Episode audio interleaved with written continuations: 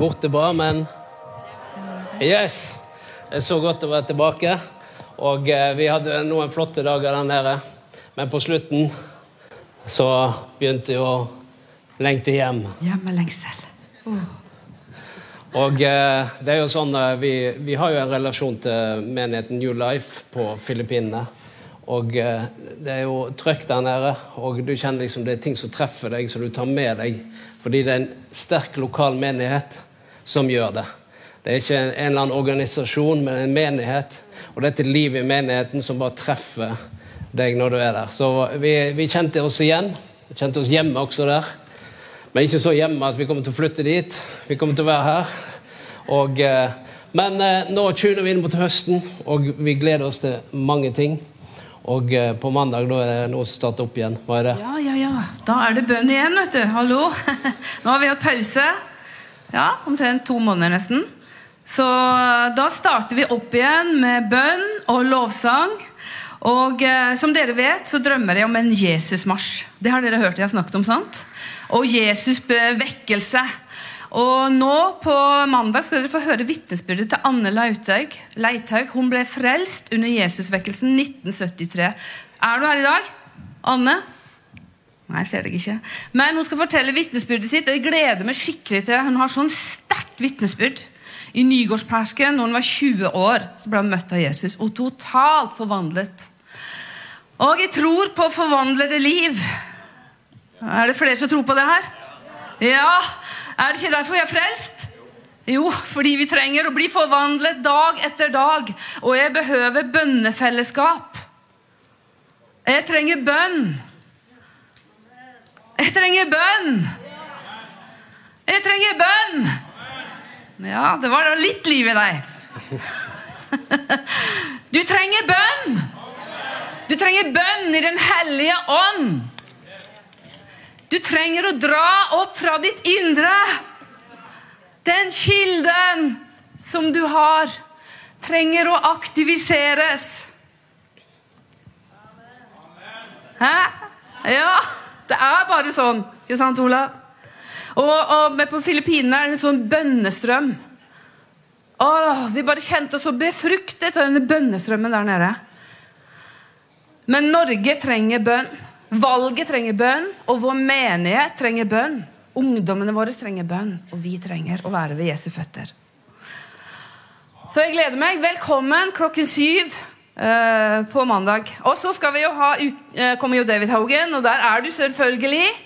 Og så er det to uker. Så er det eh, bønnedager onsdag, mandag til onsdag. Det er vel tiende Eller ja, det kommer opp på plakat. Men det er i hvert fall tre bønnedager. Ja, det går litt repeat med bønn her, men det er en grunn for det. Sant, Olav? Yes. Har du noe å tilføye? Jeg har mye å tilføye. Det kommer nå. Halleluja. Skal jeg gå og sette meg, da? tenkte Ja, vær snill. Ja, ok. Sett deg. Uten så blir det innblanding i preken min. Det det. Men eh, det er slik at eh, vi bygger menighet, og det bygger vi sammen. Og eh, vi tror at menigheten det er verdens håp. Hvorfor det? Jo, fordi at menigheten er Jesus Kristus. For det står at eh, Og han vil bygge sin menighet. Så derfor så er vi kirke, og vi er verdens håp. Fordi at vi lyser opp i denne verden. Og eh, det betyr at hver enkelt en er inkludert i det å være kirke. Det å være menighet. Det å være verdens lys. Det å være en by som ligger på fjellet. Det er noe vi er sammen om. Og, eh, så vi skal snakke om visjon i dag. Og gå gjennom noe av det, pluss å fokusere litt hva vi kommer til å ha litt utover høsten og videre. Og se hvor lenge høsten varer i år. Om det varer helt til neste sommer. Når det gjelder tema, altså. Og eh, Yes. Var det ikke bra å eh, tilbe Herren her med fullt trøkk? Ja? Var det ikke deilig? Var det for mye trøkk? Det gikk bra? Ja, for det av og til blir det litt mye trøkk. Men det er et eller annet med bare å løse opp litt og uh, bare f eh, settes fri. Det er et eller annet som bare skjer. Og uh, derfor så er det så deilig å bare trykke på. Og uh, eh, vi bygger jo denne kirken. Guds rikes menighet. Fordi at vi Det er ikke bare for oss selv, men det er også fordi at eh, vi skal nå lenger ut. Og vi har denne overskriften at vi er et hjem hvor vi følger Jesus og gjør han synlig. Det er det som vi har satt som overskrift over visjonen vår. Et hjem hvor vi følger Jesus og gjør ham synlig. Og når vi snakker om et hjem, så er det fordi vi er en familie. Det, du vet Mange organisasjoner, da er du medlem i den organisasjonen. Men det blir ikke noe familie likevel. Men i menigheten så går det mye dypere. Det er hjerte til hjerte. Vi har felles Jesus Kristus som knytter sammen, står det. Hver enkelt en. Vi er knyttet sammen i Kristus, med Kristus og med hverandre. Du har korset. Det går sånn og sånn. Nå skal vi begynne å korse oss her. Det er Vi er med Kristus. Vi retter blikket oppover. Men så har vi også utover. Det er at vi har et fellesskap med hverandre. Så Derfor så er Jesus Nei, vi er et hjem, et fellesskap av troende. Bibelen kaller det òg for de hellige samfunn. Og Det er derfor vi har kalt det et hjem. Men så er det neste det at eh, hvor vi følger Jesus. Og det er fordi at Jesus er vår Herre. Jesus er ikke bare vår frelser. Det er ikke bare bare det, altså. Det var kanskje litt feil sagt. Men han er mer enn vår frelser. Det begynner med at han er vår frelser, men så skal vi ende opp hvor han er vår herre. Det vil si, det er den dagen vi ikke gjør hva vi selv vil, men vi følger det som han vil. Og han har eh, uttrykt dette i hans eget ord. I Guds ord så finner vi Guds vilje. Og Derfor så følger vi Jesus Kristus, så følger vi hans liv. Og vi følger hans eksempel. Og så tror vi på Guds ord. Vi tror det Guds ord sier. Og vi handler på det Guds ord sier. Og vi følger Jesus fordi vi vil være hans disipler. Så i dette med å følge Jesus så handler det om disippelskap. Det at vi har fått en mester som vi følger. Vi er læresveiner lærlinger. Vi er læresveiner. Og så vil vi gjøre ham synlig. Og eh, når vi skal gjøre ham synlig, så er det fordi at eh, vi er verdens lys og salt. I denne verden så er vi lys og salt, sier Jesus. Og vi setter vårt lys i en lysestake, ikke under en, et kar, så ingen ser det. Hva er det Bibelen sier? At vi skal sette det i en lysestake. Og en by som ligger på et fjell, den kan ikke skjules, står det. Og jo mørkere det er i verden, hva skjer? Jo mørkere det er i verden, jo mer synlig blir lyset for evangeliet og Guds menighet. Og Noen ganger så kan vi bekymre oss over og fokusere på at det blir så mørkt i verden. Men du kan skifte fokus. Du kan skifte fokus på at eh, jo mørkere det er, jo mer skinner du. For noen ganger tenker vi at eh, ja, men tenk hvis mørket kommer til å overvinne oss. Men det står i Bibelen, i Johannes, hva står det der? At mørket kan ikke overvinne lyset. Lyset skinner i mørket. Og mørket får ikke makt på grunn av det. Så derfor, det lille lyset jeg har, det skal få skinne klart. Det lille lys jeg har. Og var så forsiktig i dag. Jeg tenkte du liksom dro på den, og du har kanskje aldri hørt den sangen. Jeg fikk den på søndagsskole i hvert fall. Det lille lys jeg har det skal få lyse klar. Det lille lys jeg har, det skal få lyse Ok, det holder.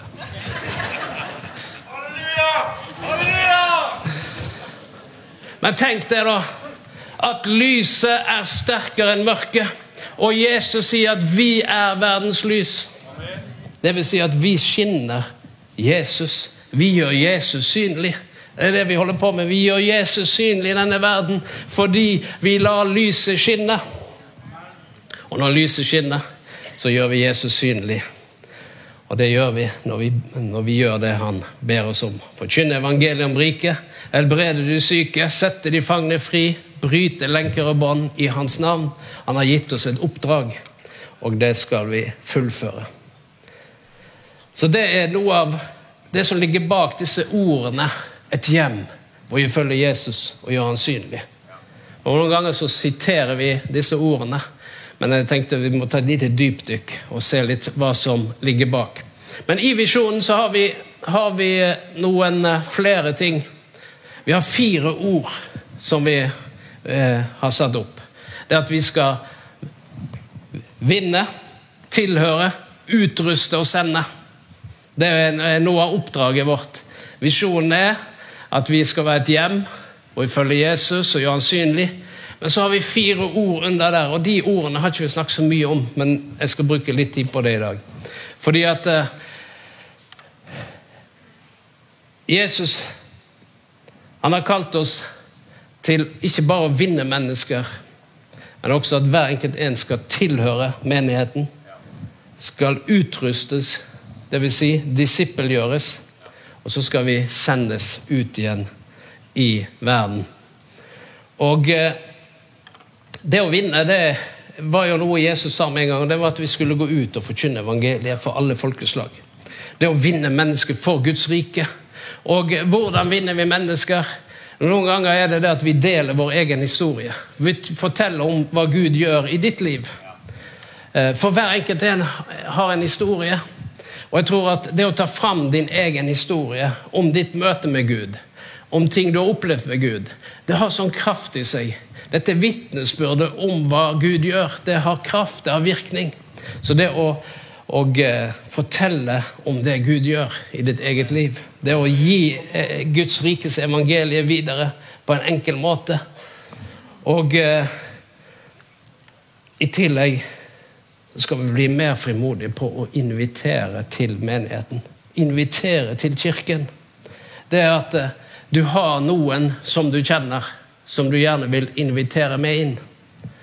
Fordi det er noe når vi kommer sammen som menighet, så er Guds ånd og Guds nærvær den er til stede her. Og når mennesker kommer inn, så vet vi ikke hva Gud kommer til å gjøre i deres liv. Så Derfor skal vi være frimodige med å invitere. Og så Noen ganger så tenker vi sånn menneskelig Ja, men tenk om, og tenk visst, og dersom. Og så er det liksom at ingenting skjer, og at det skjer, og at den og den er der, og det og det blir sagt, og at noen taler i tunger, og at noen gjør det. Vi, plutselig så kommer det masse sånne unnskyldninger. Men jeg skal si deg én ting. Mange ganger så er de som kommer på et møte, de husker verken preken sangen eller noen ting. Det er bare én ting du husker. Det var at de ble berørt av noen ting som var i rommet. Og hva var det? Det var Den hellige ånd. For det står at Den hellige ånd Det er ikke vi som overbeviser om synd. Det står at Den hellige ånd overbeviser hvem? Verden om synd, står det. Så det vi skal gjøre vi skal tilbe ham, vi skal forkynne Guds ord. Vi skal gjøre det som Kristus gjør. Da ber vi på norsk og noen ganger så kommer det noen tungetall ut, og vi tenker da blir folk skremt, men de blir ikke det. Når det skjer naturlig og fritt. Men eh, så skal vi be for syke. Så skal vi kaste ut onde ånder. Kaste ut onde ånder.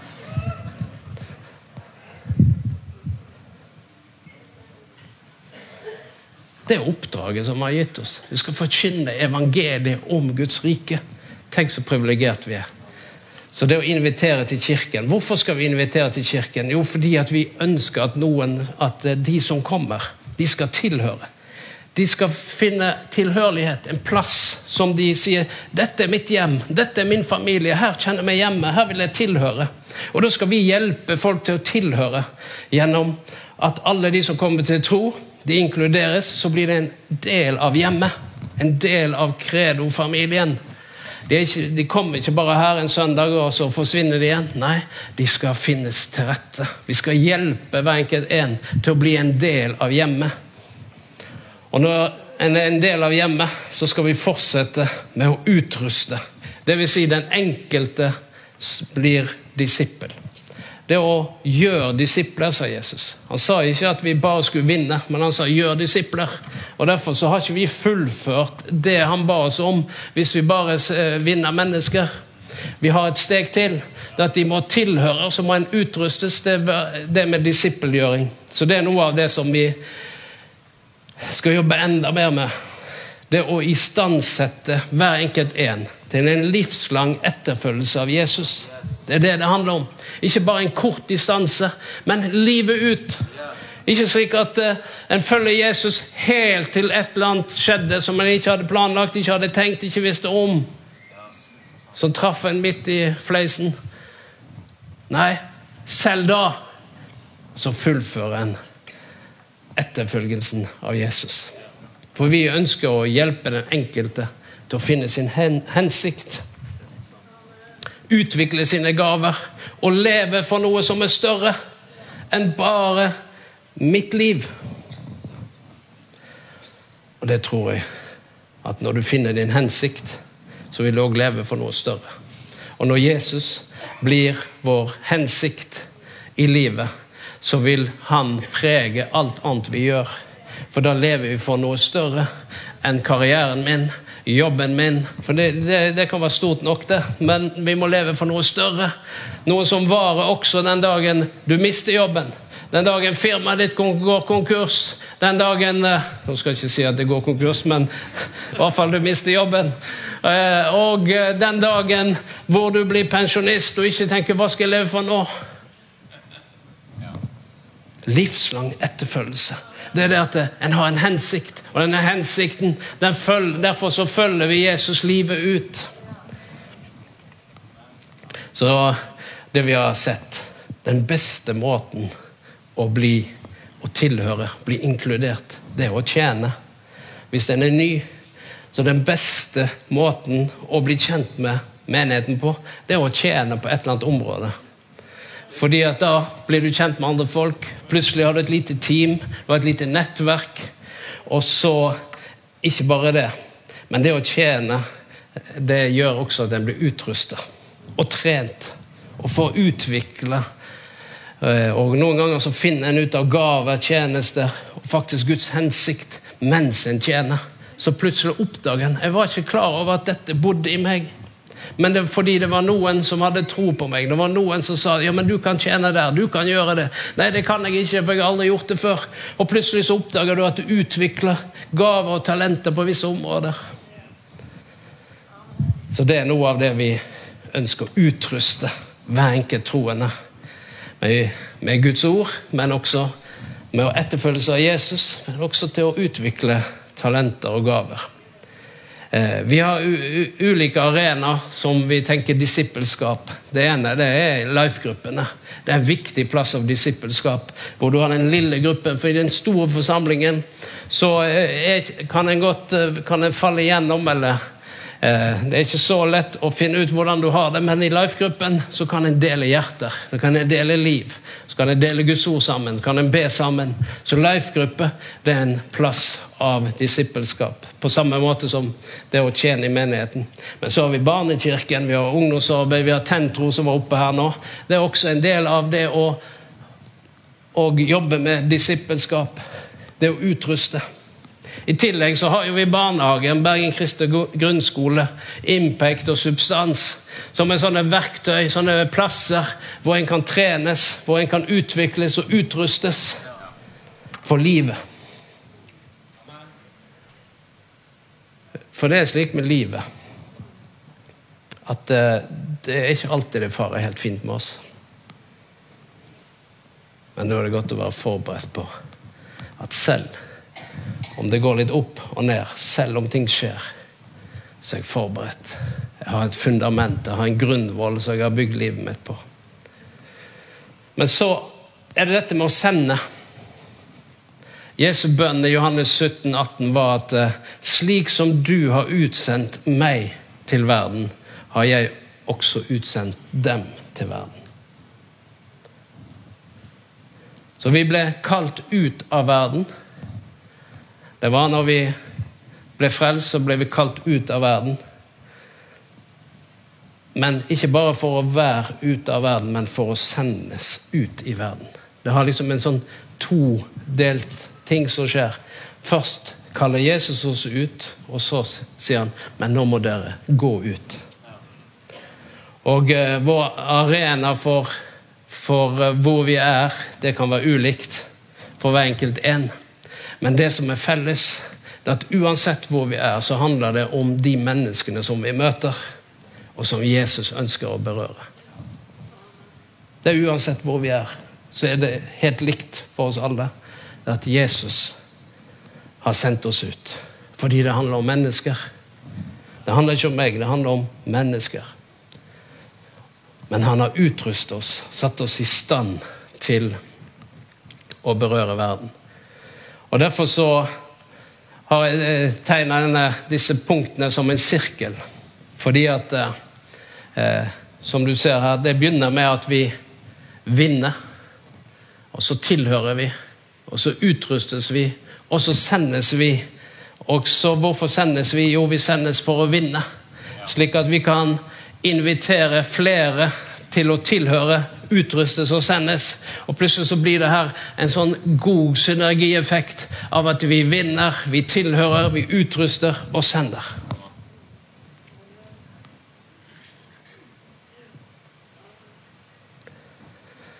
Oppdraget vårt det er jo at vi skal i eh, Lukas 9 så står det at 'forkynn Guds rike og helbred de syke'.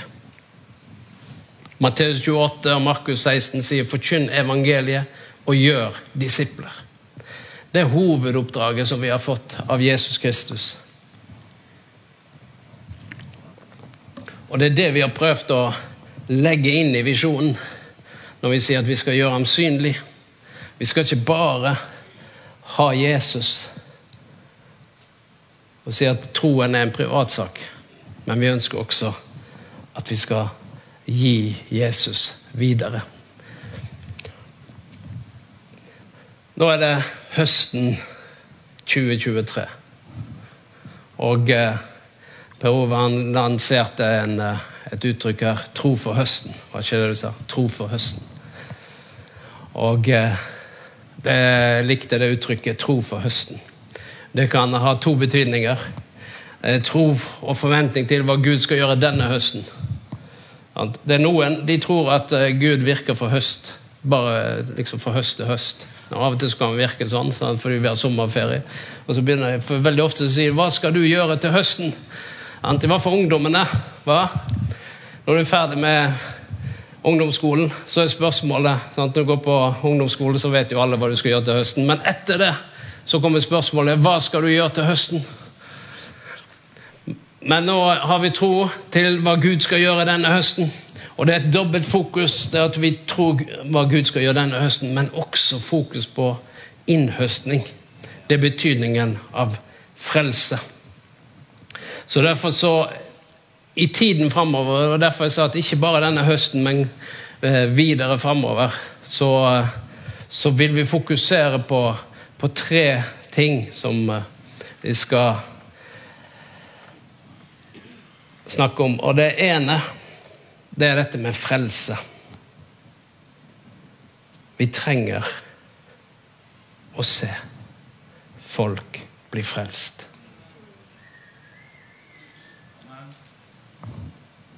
Vi kan ikke slå oss til ro før vi ser at veksten handler om at folk møter Gud, at mennesker blir frelst. Vi kan ikke slå oss til ro med at det er greit. Vi har fine møter. Vi har fin lovsang. Vi har fin forkynnelse. Ja, vi har det godt sammen. Vi kan ikke slå oss til ro med det. Vi kan ikke tenke at det vil ikke forstyrres i mitt liv, fordi det er sånn når det kommer barn inn i familien. så er det ikke sikkert du kan sove til klokka 11 på morgenen. Jeg vet ikke om noen nybakte foreldre har oppdaga det. At før så kunne du sove så lenge du ville, men plutselig så kom det et barn i familien. Og du kunne ikke bare snu deg rundt og si at nei, men øh, jeg tar det seinere. Ta den bleia og den skrikinga, den får det bare være. Jeg tar det seinere.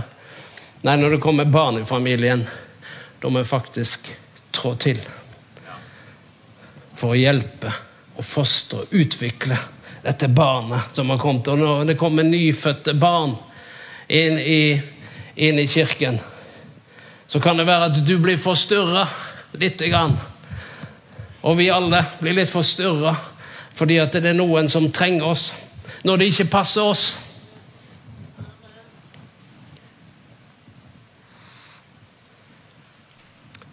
Jesus sa at høsten er moden. I Johannes 4. Så han høsten er moden, sa han. Det var denne kvinnen som satt der ved brønnen, og som han begynte å dele evangeliet med. Og når disiplene kom, så sa han høsten er moden. Og det er slik at i denne byen rundt omkring oss så er det mennesker som er søkende. Og eh, det, i det naturlige, i det ytre, er ikke sikkert det ser slik ut. Men vi har en som også kjenner folks indre, som heter Den hellige ånd. Har du sett eh, når de leter etter folk med sånn varmesøkende kamera? Har du sett det? Så midt inne i skog og alt mulig, så plutselig ser du noe rødt som går rundt der. Og da skjønner de der. Og sånn er Den hellige ånd på innsiden av oss. Det er som et varmesøkende kamera. Og han ser oi, der er en som lengter, der er en som er moden, der er en som er begynt å søke Gud, men jeg vet ikke at det er Gud han søker. Men han, det, det, er jeg som driver og drar på han, kaller på han. Plutselig så kommer den personen på vår radar, og det skal Herren hjelpe oss til å trene oss på. Observere liksom på den varmesøkende kameraet som heter Den hellige ånd på innsiden, så ser han oi, der er det noen. Kanskje de ikke var interessert for tre år siden, men plutselig har noe endra seg.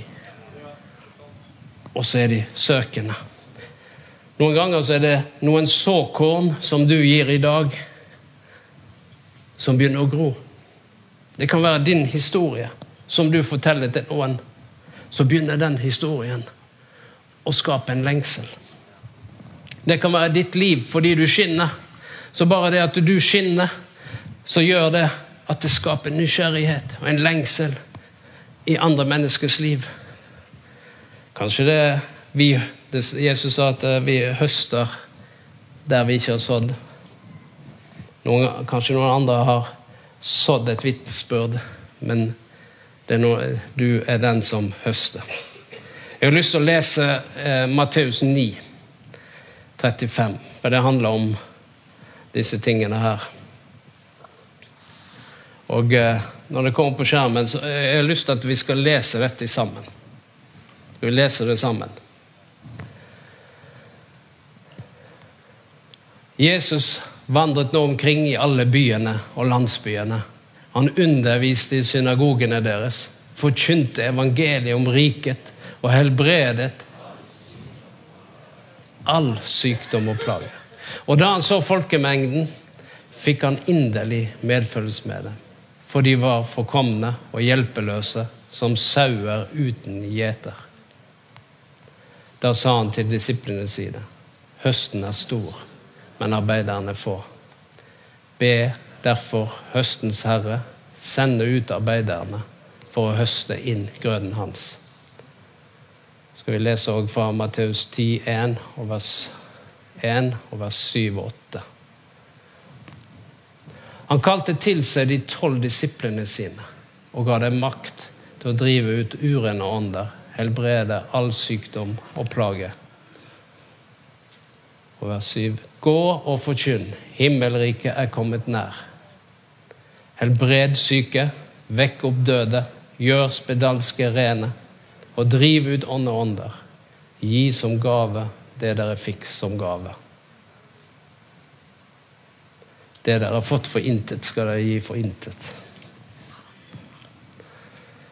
Men her står det noe av dette som Jesus sa. Han, han sa ikke Faktisk så er Jesus litt radikal i oppdraget. Han sier ikke engang at vi skal be for syke, han sier helbred de syke. Det, det er ganske annerledes. For vi kanskje har nøyd oss med at vi, ja, vi skal be for de syke. Så får vi jo håpe at noe skjer. sant? Men Jesus sier nei, gå ut, forkynn evangeliet om riket. Helbred de syke. Det er ganske radikalt. Det er oppdraget vi har fått. Og eh, Derfor så vil vi også fokusere på noe annet, det er helbredelse. Fordi at Jesus døde for vår synd og vår sykdom. Derfor så kan vi forvente helbredelse. Leve i helbredelse, be for de syke til helbredelse og befrielse. Det er noe av det som Jesus har bedt oss om å gjøre. Og Derfor så vil vi i tiden framover vi vil fokusere på å invitere mennesker til frelse. Og så vil vi be for de syke, fordi vi vil se mer helbredelse. Og så skal vi jobbe med vårt eget vitnesbyrd, det som Gud gjør i vårt eget liv. Fordi Jesus sa til disiplene dere skal få kraft når Den hellige ånd kommer over dere, og dere skal være mine vitner. Hva er et vitne? Et vitne er en som forteller om det en har sett, og det en har hørt. Og Derfor så kan vi fortelle om det vi har sett, og det vi har opplevd og det vi har hørt i vårt eget liv. Og det kan ingen ta fra deg. Det Gud har gjort i ditt eget liv, det er veldig kraftfullt. Og ingen kan ta det fra deg. Det var det som skjedde med denne kvinnen ved brønnen som jeg nevnte i sted. Hun, gikk, hun møtte, hadde et møte med Jesus, og så gikk hun inn i byen. Hva gjorde hun i byen? Hun fortalte at jeg har møtt en person som har fortalt meg om alt jeg har gjort. Jeg lurer på om ikke det er Messias. Og Da fikk hele byen oppmerksomhet, for de kjente denne damen fra før. Og de visste at hun hadde aldri vært så frimodig før. Og så kom hele byen ut til Jesus, og så forvandla det den byen. Og det var noe fordi hun ble truffet, og byen ble truffet av det hun kunne fortelle. Og eh, eh når vi var på Filippinene, ikke denne gangen, men sist gang, så eh, ble vi inspirert til å jobbe med dette med å ta fram historien vår. Og fortelle historien vår. Altså hva, hva Gud har gjort i livet ditt. Og eh, Tanja, hvis du kommer fram, kan du si litt om det? Og eh, det å hjelpe hverandre til å tenke hva har Gud gjort i livet mitt? Noen ganger så holder vi det for, for oss selv. Men det å fortelle dette har Gud gjort. Ja, det var jo sånn at vi var jo eh, der i mars på Filippinene. Og eh, så han Pastoren da, så tok han oss med liksom, etter møtet og så pekte han se på denne svære skjermen her. Og det sto det 'testimony'. For Da hadde de kjent at de skulle få folket til å fortelle eller skrive ned vitnesbyrdene eller det de hadde opplevd med Gud. At det kom liksom, Og så kunne alle lese om dette. Og med en gang jeg gikk forbi denne tavlen, så tenkte jeg yes! Det er det tid for å gjøre hjemme hos oss. Vi har tre troskonferanser nå. Hva handler det om? Tro? Ja, Det handler jo om å innta noe. Sant? At noe setter seg i bevegelse. At det er noe nytt. At det skjer noe i livet som du har lyst til å dele med noen. Så tenkte jeg, la oss få opp en sånn skjerm, så det, sånn, så det har vi ordnet. Den står ved, når Du så sikkert den når du kom inn her. Så står det 'Hva er ditt vitnesbyrd?' Og da ønsker vi at det skal være ferskvare. Som Olav, vi snakket om det. Sant? Ikke noe som du opplevde for uh, ti år siden. Fem er også for gammelt. Siste året er interessant. Og framover. Og framover, selvfølgelig. Så da kan du tenke med hva er det Gud har gjort? Så må du faktisk sette deg ned og tenke hva er det Gud har gjort? Og hvis du liksom tenker ah, det har ikke skjedd noen ting, da kan du jo aktivisere troen. Gud, jeg har noe. Å, dette trenger jeg. Og så får du et vitnesbyrd. Så kan du skrive det på den tavlen. Det vil tusjer der. Og så kan vi andre lese dette her. Det er det levende livet vårt. Og så hva som skjer, hva som skjer når vi deler vitnesbyrdet vårt. Du vet når eh, Jeg har et maleri hjemme, jeg har flere maleri, men jeg har ett maleri når eh, Maria salver Jesus sine føtter. Og det har jeg oppi, oppi stuen. Da ligger hun på kne og salver eh, føttene til Jesus. Og hva var det som skjedde? Da hadde jo Jesus reist opp Lasarus, broren hennes, fra døde. sant? Og, og de feiret dette. Og, og hva var det som skjedde når hun eh, salvet føttene? Det var jo et takknemlighetsoffer fra henne sant? som gikk ut. Hva som skjedde? Hele rommet ble fylt av duften av hennes vitnesbyrd. Har du tenkt på det før? Vi ønsker at hele rommet skal bli fylt av våres vitnesbyrd.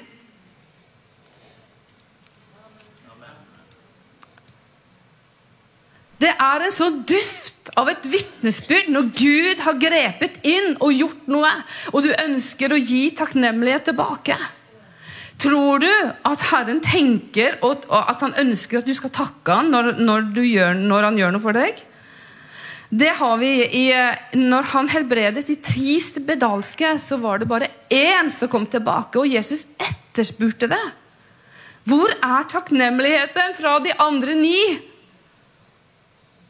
Og det er noe som jeg kjenner at jeg ønsker for min egen del skal synke inn.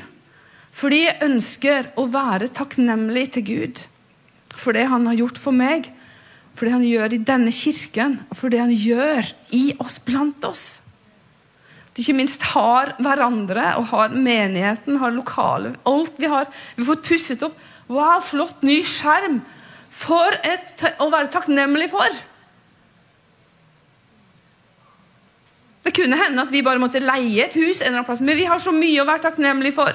La takknemligheten gå opp, så det fyller huset og rommet.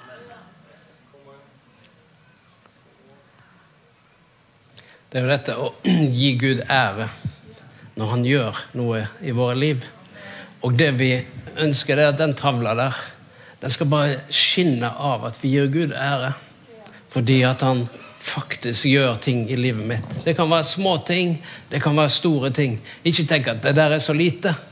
Nei, det kan være at uh, du uh, ble helbredet for forkjølelse. Skriv det opp. Forkjølelsen forsvant etter uh, jeg ba til Gud. Ok, skriv det opp.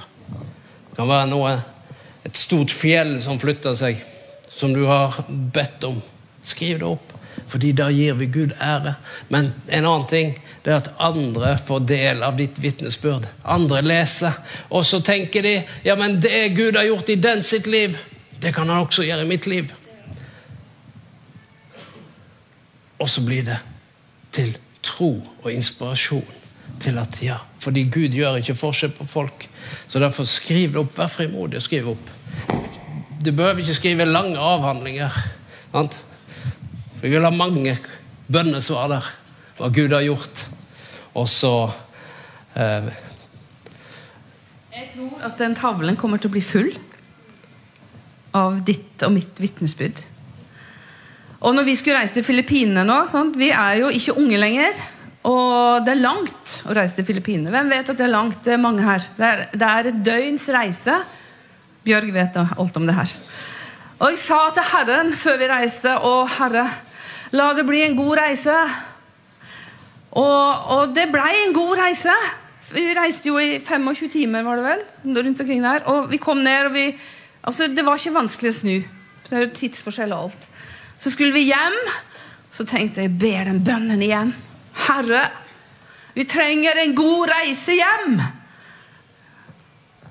Se i nåde til meg og Olav for en god reise. Jeg har så mange timer på fly. Og så Den lengste flyturen den var elleve timer, og det var smekkfullt. Og så var vi liksom litt enige om at vi ber Herre om at det er et ledig sete mellom oss, så vi får litt rom. Så kan vi liksom hvile oss litt og sove litt. Men det var helt fullt. Og vi satt knept sammen. Og så var det like før flyet skulle ta av, så kommer han ene eh, Hva kaller vi de? Flyvert. Flyvert. Og så sier han dere to vi oppgraderer dere to til business class. Dere to. Og vi bare, vi bare så på hverandre, for vi flyr ikke business class. Vi flyr vanlig, vi er vanlige folk. Vi er ikke helt vanlige folk. Jo, jo. Ingen her er vanlige Normal. folk. Ingen her inne er vanlige Ja, ja. folk. Så fikk du svar på det, lurt på om vi flydde business class, sant? men det gjør vi ikke. Så da sa Herren oss til business class. Og liksom helt fullt i flyet. Og hvorfor oss? Jo, fordi en enkel bønn før vi sovnet om kvelden. Herre, la det bli en god reise hjem. Og det gjorde han. Så det er sånn lite, eh, lite vitnesbyrd eh, som jeg har tenkt å fortelle på jobben, f.eks. Altså, de ufrelste trenger å høre sånt. Så det er små, små ting som bare ah, La oss be noen sånne bønner, dere. Sånne små bønner så Gud kan oppfylle. Så skriver vi det på tavla. Sant, Olav? Yes, Så det er opp til deg hvordan den tavla ser ut. Ikke opp til meg, det er opp til deg. Men la oss bare feire det som Jesus gjør. Det er det det handler om. Vi skal feire det Jesus gjør. Om det er mye, lite, stort. Vi feirer det uansett. Og så gleder vi oss over det Gud gjør i hverandres liv. Og så skal vi se at eh, disse historiene det vil hjelpe andre til å forvente mer av Gud. Så vi, vi gleder oss til denne høsten, og jeg tror at vi skal se mer helbredelse. Og disse vitnesbyrdene henger sammen med helbredelse. For kanskje det er din historie, noe Gud har gjort også i, i, i kroppen din. Ting som har, eh, har vært plager. Så, så kan du skrive om det. Men så skal vi også ha dette å se at flere kommer til tro. Vi vil se flere komme til tro. Og så har vi disse tre tingene som vi kommer til å fokusere når vi snakker om tro for høsten. Så handler det om frelse, helbredelse og din historie, og feire hva Gud har gjort i ditt liv. Og det skal vi gjøre. Så derfor så, eh, De neste søndagene det, da vil det være slik det er at uh, I dag så kan du begynne å dele din historie. Når David Hogan kommer, så blir det fokus på hva Gud kan gjøre i ditt liv. Det gjelder både bønn for syke og andre ting. Og det vil vi eh, ha et par søndager her. Eh, og så storsøndag 24.9. Da er det storsøndag. Det er en perfekt søndag å invitere noen med deg, er det ikke det, Kirsten? For vi må ha noen spesielle søndager som vi sier denne søndagen kan du invitere noen. Og da er det vi som mobiliseres, hver enkelt en. Og så begynner jeg allerede nå å tenke er det noen som jeg kan invitere. Er det noen jeg kan invitere med meg til storsøndag 24.9.? Fordi at vi skal begynne å få en kultur hvor vi inviterer folk med oss. Og vi kan begynne den søndagen. Du kan begynne med David Hogan. Du kan begynne neste søndag. Ikke tenk på hvilken søndag, men spesielt den søndagen der Vi vil være tilrettelagt slik at uh, de som eh, er litt ukjent med kirke, eller eh, noen du kjenner som du bare ønsker å invitere, så er det en nydelig anledning. Så blir det en stor søndag. Og så har du sett Jesus Revolution. Hvem har sett den? Alle dere andre har gått glipp av noe, men det var ikke så mange andre. Men eh, det er en veldig kraftfull film. Og eh, eh, vi kommer til å sette den opp her også en søndag, sånn at vi kan invitere noen til den visningen. Eh, jeg har gjort avtale om det, hvilken søndag vet jeg ikke, men, men da kan vi invitere folk med oss til å se film, for det, nå kan vi se film. Vi kunne ikke gjøre det før sommeren, men nå kan vi ha kino her og se film.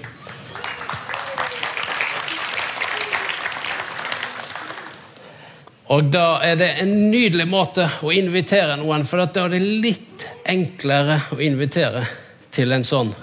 Og så kan det bli noen gode samtaler når, eh, når filmen er over. Så vi, vi, kommer til å jobbe enda mer og legge til rette til og jobbe med at vi kan invitere folk inn. Jeg blir så inspirert av han eh, Mats Ola Ishol, som er pastor i Moskva, i menigheten der. Han fortalte om denne, dame, denne unge damen som kom på møte. Hun likte ikke lovsangen, og aldri vært der. Hun likte ikke preken, hun likte ikke folka engang. Men hun blir radikalt frelst. Og det forteller meg at det er noe i rommet. Det er Den hellige ånd, hvor de troende samlet. Så står det da Jesus midt iblant oss. Hvor to eller tre er samlet i hans navn, er han midt iblant oss. Og Derfor så er det denne frimodigheten på å invitere. Den skal vi bare øke. Så vi skal øke frimodigheten på å be for de syke.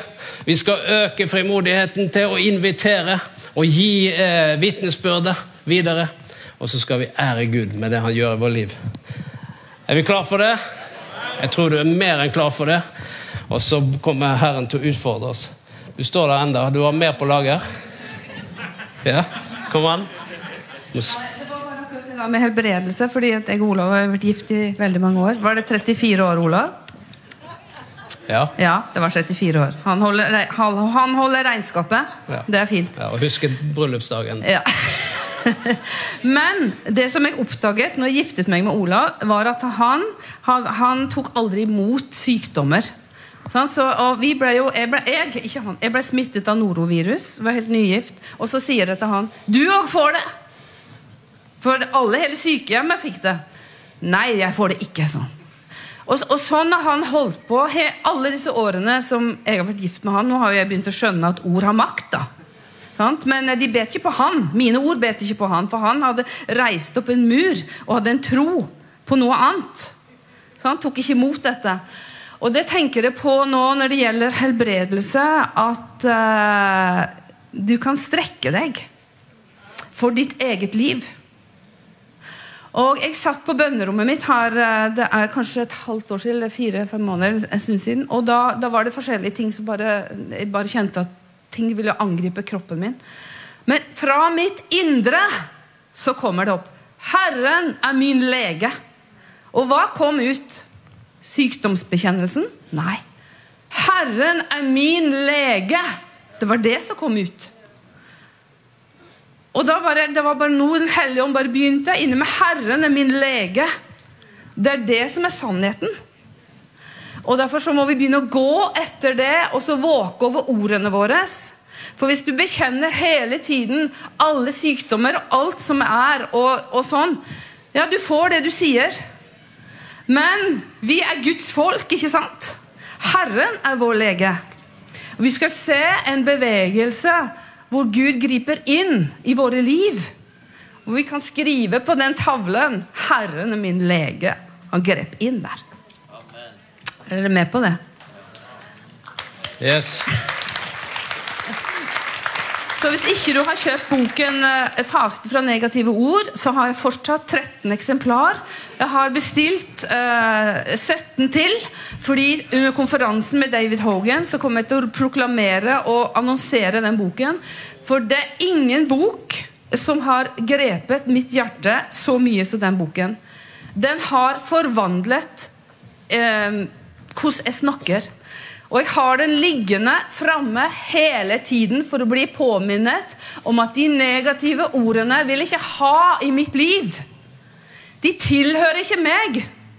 Jeg ønsker at det skal komme takksigelse og gode ting fra mitt hjerte. Men fienden, han vil at jeg skal begynne å, å komme med kritikk og negative ting. og alt mulig. Han ønsker at jeg skal tale ut alt dette her utover folk, over meg sjøl. Alt det ønsker han. Men Herren, han vet hvilken kraft det er i å bekjenne positive ting.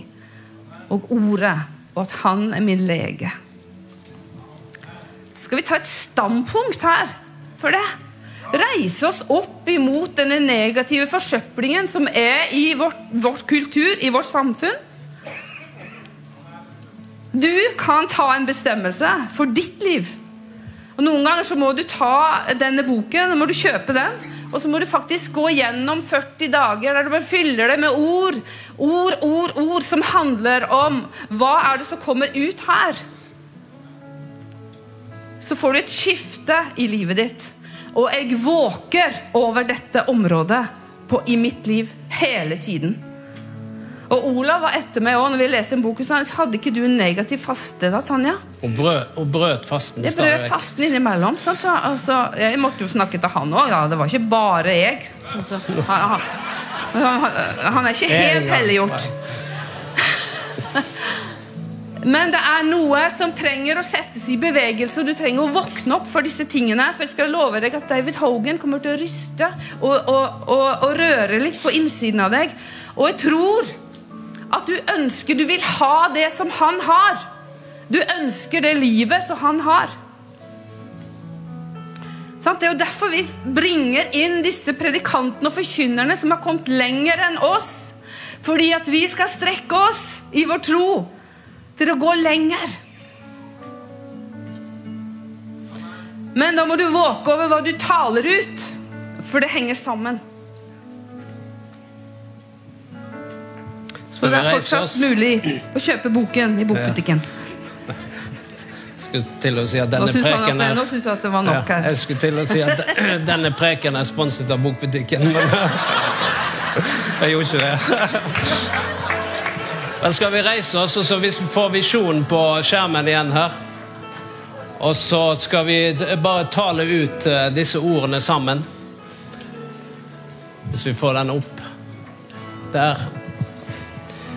Så sier vi det. Kredo-kirken er et hjem hvor vi følger Jesus og gjør han synlig. Og vi skal vinne, tilhøre, utruste og sende. Skal vi si det også sammen? Vi skal vinne, tilhøre, utruste og sende. Det er noe, dette er oppdraget vårt. Og i høst så skal vi se frelse, helbredelse, og så skal vitnesbyrdene komme om hva Gud gjør i mitt liv, i andre sitt liv, og så kommer vi til å gi Gud ære, så skal vi feire Han. Amen. Vi bare takker deg, Herre, for eh, Credo-kirken, Herre. Takk, for du har satt oss i denne byen, Herre, i dette landet, Herre, med det oppdraget som du har gitt oss, Far. Takk, Herre, at med ethvert oppdrag, Herre, så eh, følger det nåde, Herre. Derfor fins det nåde, Herre, til å fullføre dette oppdraget, Herre. Og din nåde, den kommer oss alltid til hjelp i den tid vi trenger det. Og Derfor takker vi det, Herre, at denne høsten så skal være en tid av nåde, Herre. Stor nåde, Herre. Nåde og hjelp, Herre, sånn at vi ser mennesket bli frelst, helbredet, og at vitnesbyrdene om hva Gud gjør, bare skal gi deg ære. Vi priser deg for det, Far. Og vi takker deg, Herre. Vi takker deg, Herre. Vi takker deg, Herre. Vi velsigner disse dagene som ligger foran oss, Herre. Velsigne høsten, Far, som ligger foran oss, Herre. Vi ber, Herre, for den helga som kommer nå, Far. Vi ber, Herre, at det er du skal få åpenbare hvem du er, Herre. Din kjærlighet, din godhet, hva du har gjort, Herre, og hva du fortsatt gjør. Vi ber om det, Far, i Jesu navn. Amen.